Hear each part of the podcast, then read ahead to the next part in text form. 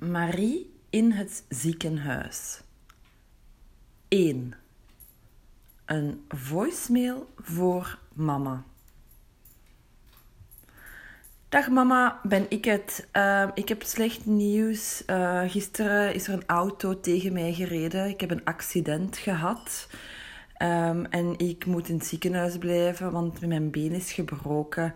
En ze willen graag dat ik nog drie dagen blijf. Bel me terug. Dag.